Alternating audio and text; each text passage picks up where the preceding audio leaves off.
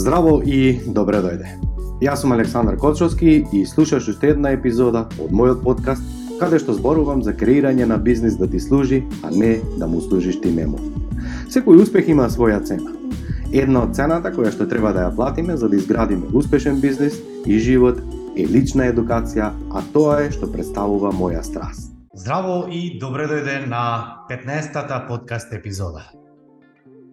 Во оваа епизода ќе зборуваме за трите најголеми верувања кои што секој еден од нас ги има.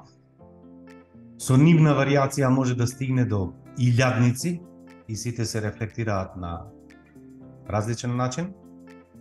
А повторно ќе кажам длабоко сите ние кој повеќе, кој помалку ги носи овие три препреки, три верувања за кои што ние не сме свесни секако, а се рефлектира со недостаток на квалитетен тим, низок профит, слаба продажба, лошо управување, недостаток на финанси, едноставно низок развој на, на, на бизнисот и лош квалитет на живот е едноставно. Од работа со голем број на предприемачи, кај кои што и ги забележувам и те како, значи, ушиве ми, ми, ми, ми звонат кога ги слушам тие верувања, затоа што долго време работам на себе и психотерапија и коучинг еден на еден, и со ментори и ден денес учествувам и работам, па можам да ги препознам кај другите, зашто не можам сам кај себе да препознам, токму затоа одам и јасна психотерапија и на коучинзи затоа што некој треба да се грижи за моето ѓубре, нели како што често знам да кажам, дека сите ние во во основа носиме терет, носиме а, искуства, носиме образци за кои што не сме свесни и како што има чистење на подрум, на на работна работен простор, така треба да нели и се грижиме и за нашето ѓубре, што всушност се собира со години. Првиот најдлабок најдлабоко верување кое што не саботира за да не развиеме бизнис и живот како што сакаме, не сум доволно добар. Дури не познавам човек без разлика на неговото образование, искуство, количина на заработени пари, број на вработени, големина на фирма, стекнат капитал, небитно.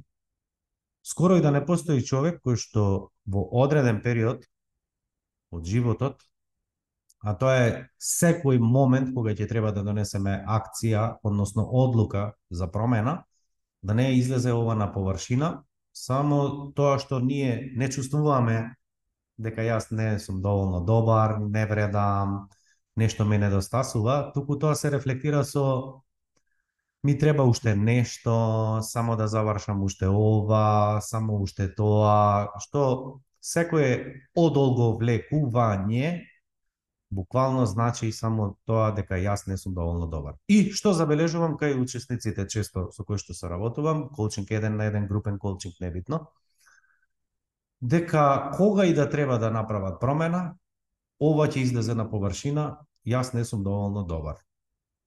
Например, сите ние сакаме клиенти кои што нели се од повисок ранг, кои што плаќаат повеќе, кој што од кој што ќе научиме и ние повеќе, кој што ќе ни даде препорака да стигнеме на уште повисоко ниво. И тоа е нормално, нели? Но колку пати ти се случило и, и се случува кај се уште ден денес кај луѓе кои што ќе ги видам, еј, договори со останок, па таа договори, ама некако како да или не договори. И зошто не договори? Па, не знам, знаеш, ако го добијам а, да не се осрамиме, да не се избрукаме, а, се уште немам доверба во луѓето, па немаме поставено системи, па се уште немаме не знам, ваква опрема, таква опрема, немаме ваков кадар, немаме таков кадар. Што тоа значи? Тоа значи само едноставно дека ние немаме доверба во себе и имаме чувство дека не заслу... дека не дека едноставно не можеме да го имаме тоа. И ова ако јас како ментор не го препознавам кај луѓето и ја го отвориме на пример, нели оваа тема на разговор, ако не го прона... навлеземе длабоко во, во коренот или во црната кутија, како што на га велиме, и ако не го разбиеме овој образец да видиме на што се должи, едноставно луѓето ќе се саботираат и нема да успеат повеќе. И ова е една од причините зошто некои од учесниците буквално после две-три сесии ќе направи бум, а некои уште по 20-30 години не можат да постигнат успех како нив И после, знаете како не им веруваат. И, и често од пати тоа го искажуваат, дека им е незгодно да кажуваат што се постигнале, како работаат, оти им е непријатно и незгодно. Тоа се умни луѓе пред се. Е сега, колку пати сети се ти, направи намерно одолговлекување, пролонгирање, под изговор. Јас треба да работам на маркетинг, но се плашам да, знаеш, Јас не се плашам од говор, ама не ми е камерава квалитетна, микрофонот не ми е квалитетен, студиото немам, гардероба немам, а, што јас ќе кажам, кој сум јас да кажам, па да не ме сватат погрешно, да не сгрешам, да не употребам диалект, а свесен си дека треба. Зошто ти е страф да вработиш поквалитетни и подобри луѓе од тебе, Оти ни сите ние знаеме дека улогата на предпремачот е да вработи и да ангажираш попаметни луѓе, нели, од него, односно од нас, оти нормално дека сите ние се фокусираме на нели во текот на животот на различна работа и дека оно кој што ќе се фокусира на програмирање, нормално дека ако ние тоа го работиме повремено, дека тој ќе биде професионалец, а ние ќе бидеме просек. Ако некој се фокусира цел живот на продажба и стане експерт во продажба, нормално дека се е во ред со него и се е во ред со нас. Но тоа значи дека за продажба е експерт, нели, и дека има вредност и дека ни треба таков човек. Но зошто се плашиме да вработиме таков човек? Зошто се плашиме да ангажираме таков човек? Зошто се плашиме да побараме таков човек? Зошто се плашиме да направиме разговор за рекрутинг со таков човек? Затоа што длабоко во себе веруваме дека ние не сме доволно добри и дека што ќе се случи кога луѓето ќе знаат или ќе сватат дека ти не си доволно добар. И ова е огромен проблем. Е, сега, ако ова верување го расшелиме, тоа ќе излезе буквално у различни образци, а, тоа е фил или шлак што сме го залепиле во фаза на детство, каде што ни велеле седи ти ништо не знаеш, гледа го брат ти, гледа сестра ти, гледа го како јаде, гледа како игра, од тебе ништо не видува, а, види го синот на Перо, он е домаќин, види он како знае да штеди, да буџетира, колку учи, како пее, како зборува, колку е дисциплиниран. Значи, цел живот не споредувале, нели? И кога ние не знаеме да разграничиме, нели на на мала возраст, зборувам за седмо или 10 годишна возраст па надолу, кога се уште немаме толку развиена свест за да нели едноставно помине низ филтерот наш на вредности за да се прашаме дали едноставно тоа има вистина, нема вистина, дали на вистина ние сме такви или не сме такви, дали родителот зборува со намера да не поттикне да да да се промениме, дали тоа реално, нереално, ние воопшто не размислуваме такви, туку кога и да дојде од авторитетна личност, ние тоа го прифаќаме, бунтуваме, но длабоко во срце, длабоко во себе ја прифаќаме таа реалност и викаме да, со мене нешто не е во ред, се јас нешто грешам, јас не сум доволно добар. Подоцна на училиште истото се преовлекува, кога повторно ќе не споредуваат со другите ученици како ние сме биле имале потенцијално, не сме дисциплинирани, не се трудиме доволно. Никој не знае што значи лева хемисфера, што значи десна хемисфера, што значи човек со дарба или со а, развиена аналитика, некој креативност. Нели? Малку од денешните професори и наставници поминале низ таква обука, јас не велам дека се виновни, малку знаат како функционира човечкиот ум, од друга страна се незадоволни за заработка, за собствениот квалитет на живот, за остварувањето нивно, за постигнувањето и, нели, не внимавајќи дали и што ќе се случи со нас, дали ќе не повредат или што ќе се случи понатамо со нашиот живот, едноставно се однесуваат на начин на кој што сметаат секако добро намерно, далеко тоа дека не. Но тоа ни дава уште една потврда дека со нас, а па сега стварно нешто не е во ред. Подоцна се вработуваме, добиваме клиенти, се споредуваме со колеги, со клиенти, со други предприемачи, поуспешни, со луѓе кои што постигнале многу повеќе од нас. И како растеме, како растеме, тоа е непрекинат процес каде што само ги јакнеме тие врски внатрешниот говор кој што го зборуваме постојано со нас дека со нас нешто не е во ред. Ете требаше да донесеш таква одлука, ете требаше и тоа, ете требаше и тоа. И само го храниме и го зацврстуваме тој пат дека со нас нешто не е во ред и дека ние не сме доволно добри и подоцна ќе имаме фантастична идеја, а немаме храброст да ја реализираме. Сме сакале нешто да превземеме, а сме немале храброст и кога ќе видиме некој друг како тоа го прави, се подсетуваме дека само сме пропуштиле прилика и дека сме можеле и после и лепиме етикети секако, нели? Па таа А, види, јас не сум расипан, ја не сум дрзок, па лесно му е на Перо, него татко му остави пари, па лесно му е на Живко, неговиот бизнис е таков, па знаеш, лесно му е на Зоран, а, он има стручен тим, неговиот бизнис е полесен, па да, он работи со интелектуалци, види ги моите какви се. Значи, наоѓаме изговори, а всушност сите овие изговори само кажуваат дека уствари се дистанцираме за да се оправдаме за собствениот неуспех во смисла на со мене се еворет, јас можам, дека не можам, само ја не сум расипан како Перо, само јас не сум дрзок како Живко, само немам среќа како Јанко или како некој друг, а уствари ова е саботирачко верување. Второто кое што се случува е јас не заслужувам. И види, никој не размислува во смисла ја не заслужувам повеќе пари, јас не заслужувам повеќе бизнис, ја не заслужувам поголема компанија, никој тако не го размислува нормално. Реков ова е теме во суштина, нели? А рефлексијата е следна. Кога ќе ти дојде идеја на ум дека треба да отвориш нова гранка, ти се повлекуваш.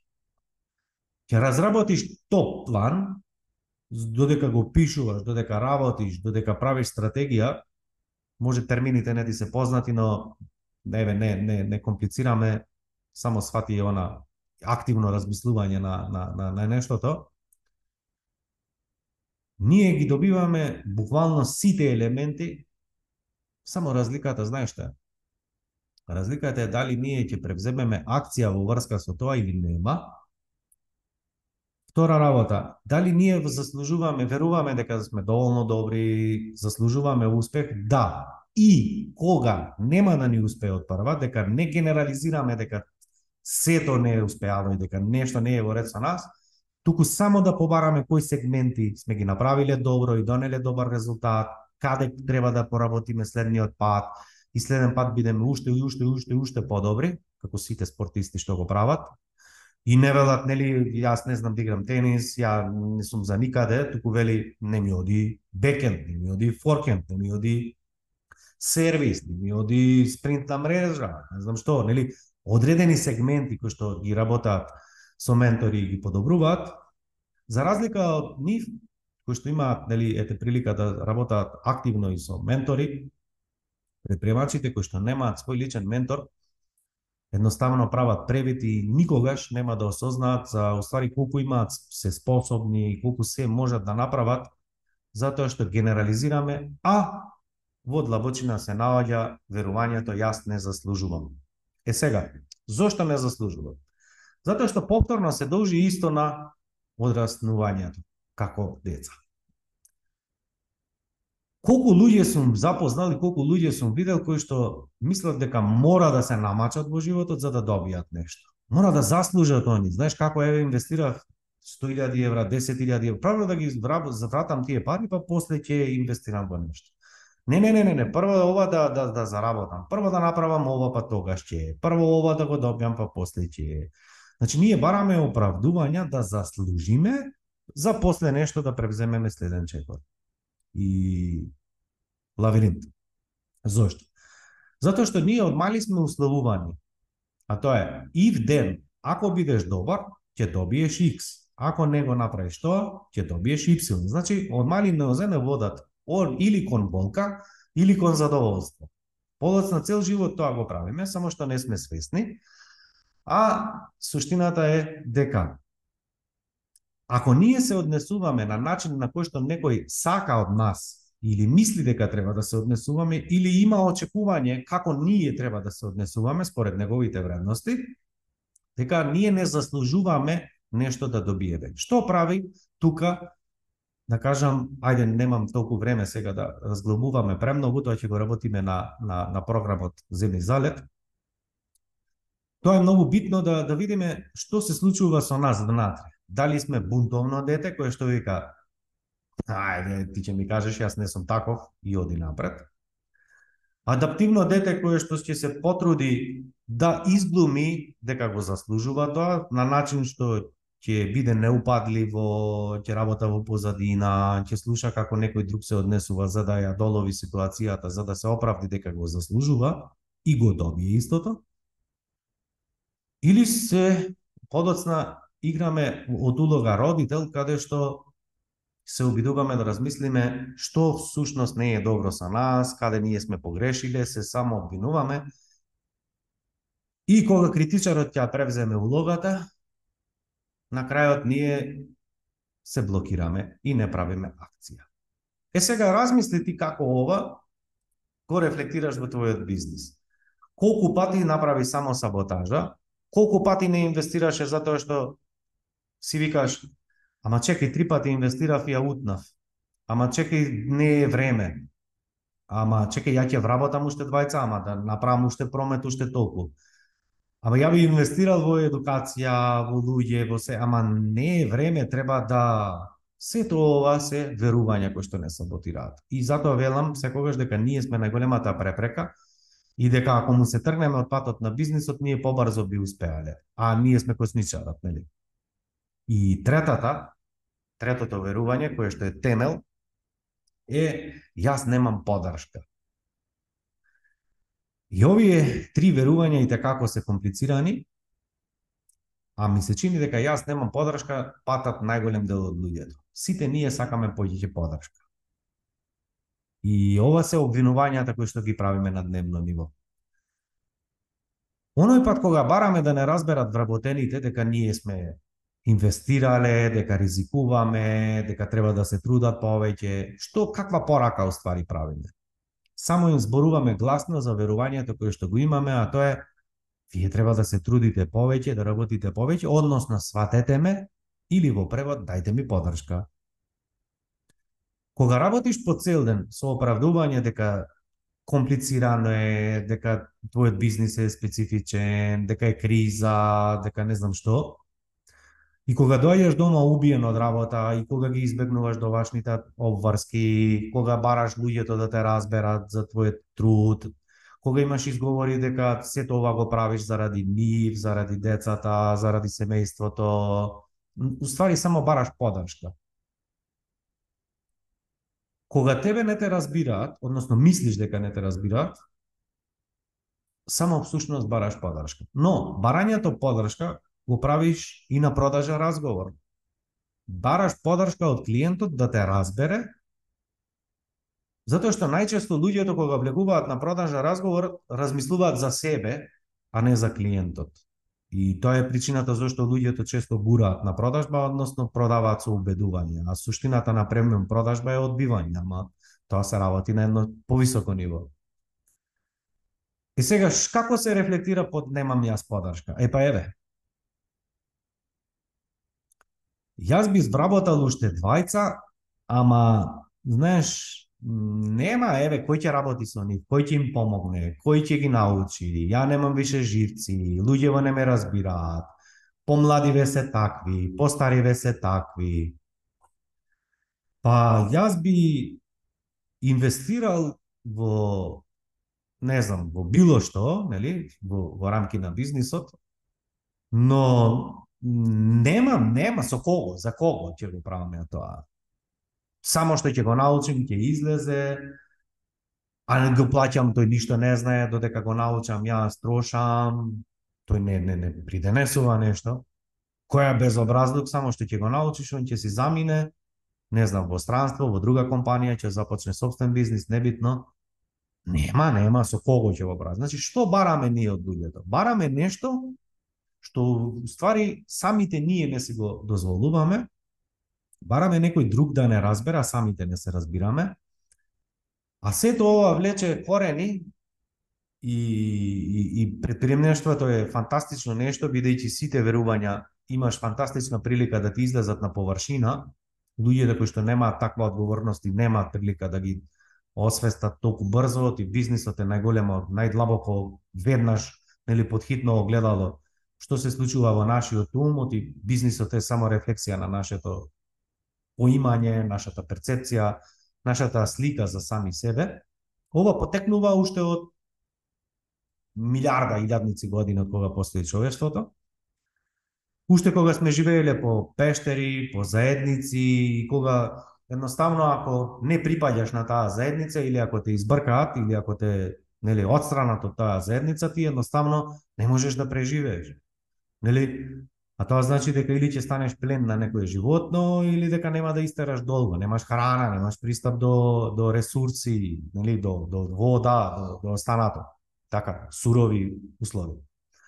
Што ова значи дека нашиот примарен дел на умот, на мозокот, бара подршка од другите луѓе за разбирање, бара подршка за соработка, интеграција и се останато. А, што е уствари предприемништвото? Предприемништвото не е заедница од таков карактер на дружење, на, на помагање, да, но имаме други задачи. Предприемништвото е спорт каде што си осамен, колку поголем бизнис имаш, колку повеќе заработуваш, колку си похрабар, колку се шириш повеќе, толку помалку имаш пријатели. Толку помалку имаш другари, оти што ќе им збориш ти на другарите кои што останале цел живот вработени, тоа не е ништо лошо, нели апсолутно, но едноставно не те разбираат.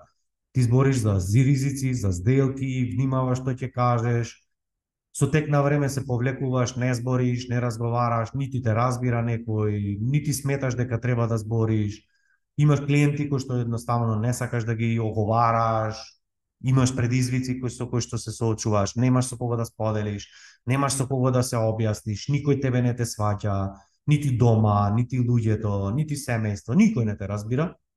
Од друга страна сите знаат нели кој е твој проблем и како треба да го решиш и сите знаат да бидат паметни, но ете, нели со тебе нешто не е во ред, чудок, изрод си у фамилија. И со тек на време, колку повеќе си во предприемништво, толку повеќе си осамен. И добре дојде во осамените. И сега каде е проблемот? Па, што прават децата кога има кога ги критикуваш?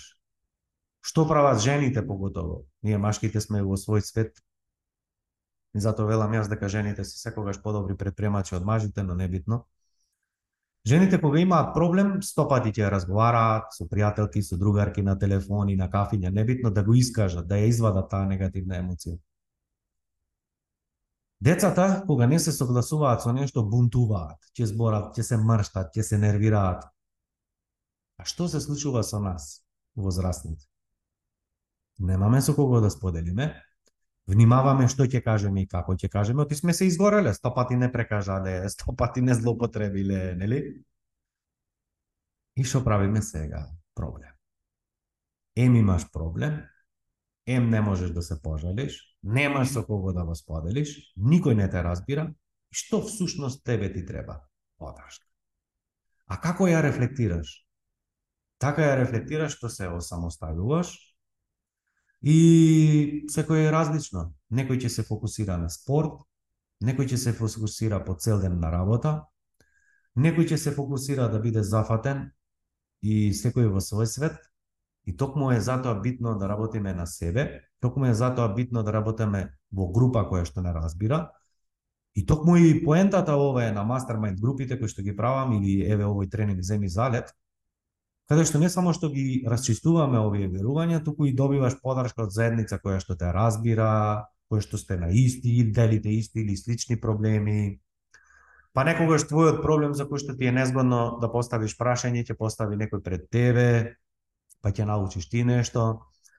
Кога ти ќе поставиш прашање, не само што ти добиваш увид и учиш, туку слуша и некој друг на кој што му било незгодно или мислел дека не е време да го постави тоа прашање. И ова е поентата на мастермајндот. Не дека јас сум најпаметен, јас сум имам искуство и во консалтинг и во теорија и фала Богу, но мојата пред се улога во, во обуките модератор, зборам за сесиите во живо, токму да внимавам кој зборува, што зборува, да не ги повреди, да ги наведам, да го организирам сето тоа да биде поучно, да сватиме што сме заклучиле, да видиме како кои верувања не се кријат. И ова е магијата кога за време на разговор кога некој поставува прашање, уште само го додека го поставува прашањето, знам кое верување се крие во позадина. И кога ќе почнеме да го лупиме, нели, кромидот, слој по слој, слој по слој, слој по слој, се додека не дојдеме до самата срцевина, да видиме кој од овие три верувања се крие кога ќе го расчистиме било кое едно верување, а може би и повеќе, буквално се добива трансформација на тој човек и наредниот пат, а тоа се случува уште истиот ден, уште утре дента, уште првата недела, да донесе одлуки кои што и онака предходно ги носел, но не ги исполнил, нецелосно, делумно, немал храброст. Значи, Уствари, ние не, не измислуваме ништо ново. Уствари, сето тоа тлеело, само требало да излезе на површина. И кога ќе соберат храброст овој пат, немаат верувања, сваќаат дека само нашата подсвест игра со нас, сваќаат дека тие верувања, тие зборови, тој натрешен говор, дека нема врска со оваа реалност сега, што е дека сето тоа е нормално, дека не е ништо лошо. И тогаш прочистени од вакви верувања буквално носат храбри одлуки и нормално дека ќе добијат и резултати. Е, ова е суштината на програмот Земи Завет. Да видиме кои верувања се кријат. И токму затоа има три модули. Мене ми е лесно да начукам 100 модули, не знам, илјадници видеа материјали, но види, ако се учело од видеа и ако се учело од книга, денес сите ќе беа умни и учени, не дека книгите и видеата се лоши или дека не се зборува вистина, апсолутно е супер, но не е доволно Оти книгата не може да ти даде фидбек, книгата не може да препознае кое верување го имаш, книгата не може да препознае која потреба ја задоволуваш, книгата не може да свати дека ти уствари не носиш одлука за тоа што се плашиш од сопругата или сопругот. Книгата не може да дознае зошто не носиш одлука да го отпуштиш вработениот зашто се плашиш да вработаш друг, затоа што мислиш дека нема луѓе. Книгата не може да ти даде фидбек дека дека не можеш да ги под, дека се плашиш да ги подигнеш цените затоа што мислиш дека ќе ги те откачат клиентите кои што ги имаш, а уствари се крие сосема нешто друго. Книгата не може да ти даде фидбек дека ти Uh, треба да вработиш повеќе луѓе, дека имаш можност, дека треба да изградиш системи, дека тоа што мислиш дека ти е проблем, всушност не е проблем, туку ти е верувања, а проблемот се крие на друго место. Книгата не може да ти даде увид дека бараш проблем кај што не постои, е токму тоа може да ти го даде ментор, поготово кога ќе слушнеш некој од учесниците како исто размислувал на тој проблем, а сме го расчистиле или он искуствено го расчистил, па ќе те охрабри. Кога ти ќе кажеш нешто во минатото, а други ги охрабриш, тука е магијата. И токму затоа имаме три модули во кои што првиот работиме на мајндсет, односно правиме анализа буквално нели на, на, на сите твои искуства последните години, а фокусот на последните 6 месеци, да видиме кога си донел одлука, како си носел одлука, што си размислувал, кои верувања си ги имал, кои се твоите метаобразци, зашто од што си се плашел, што е која потреба се задоволувал, зошто си реагирал така што си реагирал, зошто не си реагирал, како што си требал да реагираш во кој како си бил, нели, во која емотивна состојба си бил кога си донел одлука која што резултирало со плота, кога не. И токму таму се твоите скриени ресурси, затоа што види, сите ние сме различни, задоволуваме различни потреби, решаваме различни решенија во животот, бараме, трагаме по различни одговори, нели? И токму ова е моментот каде што правиш трајна трансформација. Следниот модул е продуктивност, нели?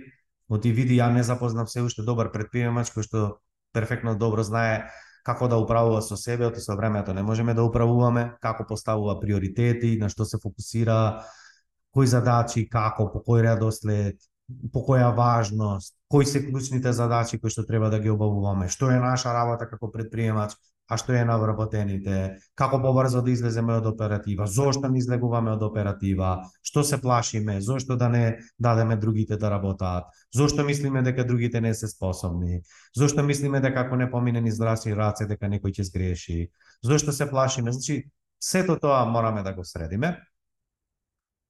Подоцна го планираме денот не како што велат луѓе, не како што ќе прочиташ од книга, не како што некој ќе ти препорача, туку во согласност со твоите вредности, со твоите ставови, оти види има човек кој што сака да работи на сабајле, некој сака навечер, некој е рано буден, некој сака да поспие, некој е продуктивен во 12, некој во 2, некој не знам што, не е битно, нели?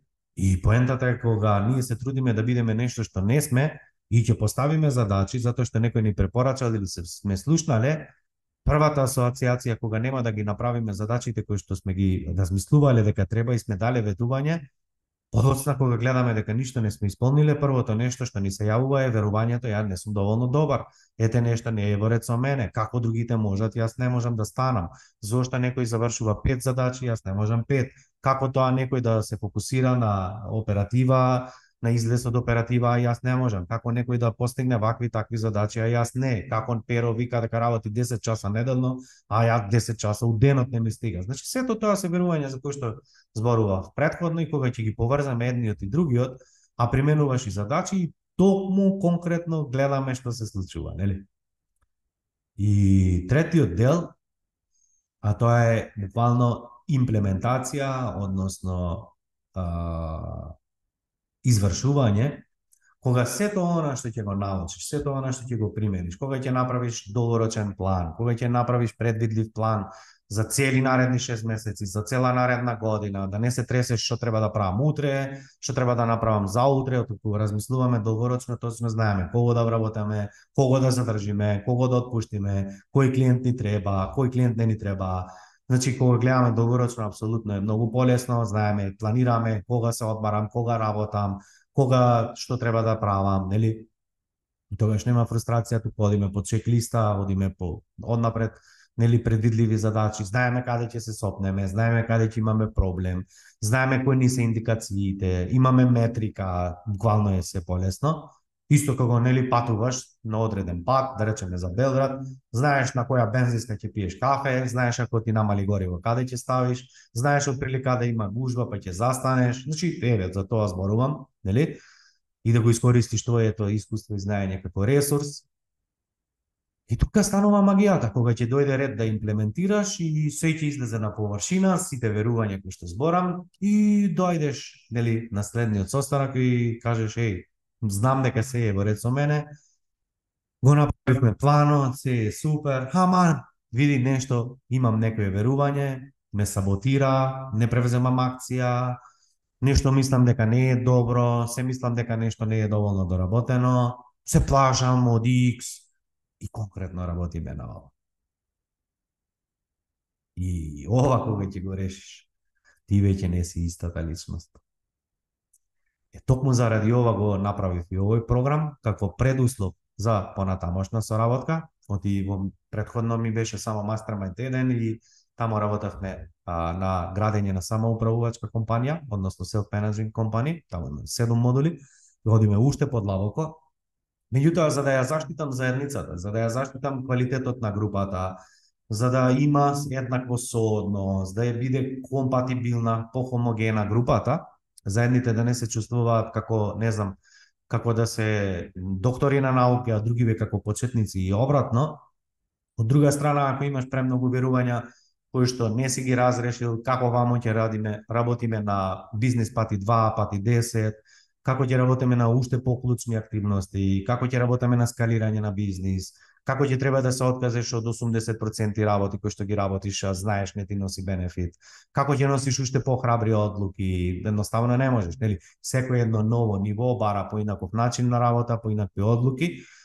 И токму ако имаш верувања, што ќе работиме тамо. Многу потешко ќе се справиш и види не е само што е лошо за групата, лошо и за тебе, бидејќи ќе се почувствуваш дека нешто не е во ред со тебе, дека е токму затоа направив подруга програма каде што прво работиме на верување, на мајндсет, значи буквално да се очистиме, да се испегламе, да земеме залет. Е, кога ќе земеме залет, не само што промената се гледа уште веднаш, туку ќе можеш подоцна уште повеќе и поактивно да му се посветиш на градењето на бизнис. И ако ти е порака овој подкаст за се до сега, само свати дека уствари и животот и бизнисот е едноставен ако му се тргнеш од патот и дека се е во ред со тебе, дека така не треба ништо да менуваш, туку само да се запознаеш подобро, да видиш што е тоа што го правиш добро, што е тоа што помалку го правиш добро и конкретно на тоа да го работиш. Може би да погледнеш на својот бизнис од една поинаква перцепција, од едно кога игра двајца шах, нели, оно што гледа одгоре, секогаш да има подобриот потек. Кога играат фудбал, играчите нели гледаат малку метро две пред себе и, и лево и десно, зад себе не гледаат, не гледаат што се случува на цел терен. И кога ние сме постојано во оператива, ние сме играч, но не сме стратег, не сме селектор, не сме тренер, не го гледаме цел бизнис како од а, една поинаква перспектива, односно како кога сме на ложа, кога гледаме цел терен доле, што се случува со продажба, што се случува со испорака, што се случува со клиентите, што се случува со извршување, што се случува со клучни ресурси и останато, нели? Сите сегменти. И едноставно кога ние сме нонстоп и постојано во оператива, гледаме метро пред нас, лево, десно околу нас, гасиме пожари, трчаме, работиме нешто, нели, де сме на гол, де сме на одбрана, де сме лево крило, де сме десно крило, но сме далеко од стратег, но сме далеко од предприемач, И повторно, повторно ќе кажам по стоти пат дека улогата твоја како прв човек и како предприемач не е оператива, туку оператива е за твоите вработени, тоа не значи дека не треба воопшто да се бавиш, туку да го организираш бизнисот да функционира перфектно, па подоцна ако ти имаш желба да се бавиш со тоа примарно што си го започнал својот бизнис, е тогаш бави се. И ова е причината зошто ние едноставно не излегуваме од оператива, затоа што бараме подршка, не излегуваме од оператива затоа што мислиме дека не сме доволно добри, не излегуваме од оператива затоа што едноставно не веруваме дека може и поинаку, а сето тоа се должи на нашите верувања и тоа е тоа. Се надевам дека ти послужи ова подкаст епизода. Доколку сакаш се уште има време да се пријавиш на новиот циклус на онлайн бизнис програмот Земи залет и да се уште има време за 2023 да ти биде фантастично, ова второ полувреме, 2024 биде уште подобра. Пријави се на време и се гледаме, се слушаме во следна прилика. Ти благодарам што одвои време да ме слушаш на овој подкаст. Доколку сакаш да соработуваш со мене, Најдоброто место е да се информираш за актуелните понуди е www.aleksandarkochovski.com и секако немој да заборавиш да се претплатиш на мојот ньюслетер, каде што исто споделувам бесплатни информации и навремено ќе дознаеш за сите бесплатни онлайн тренинзи.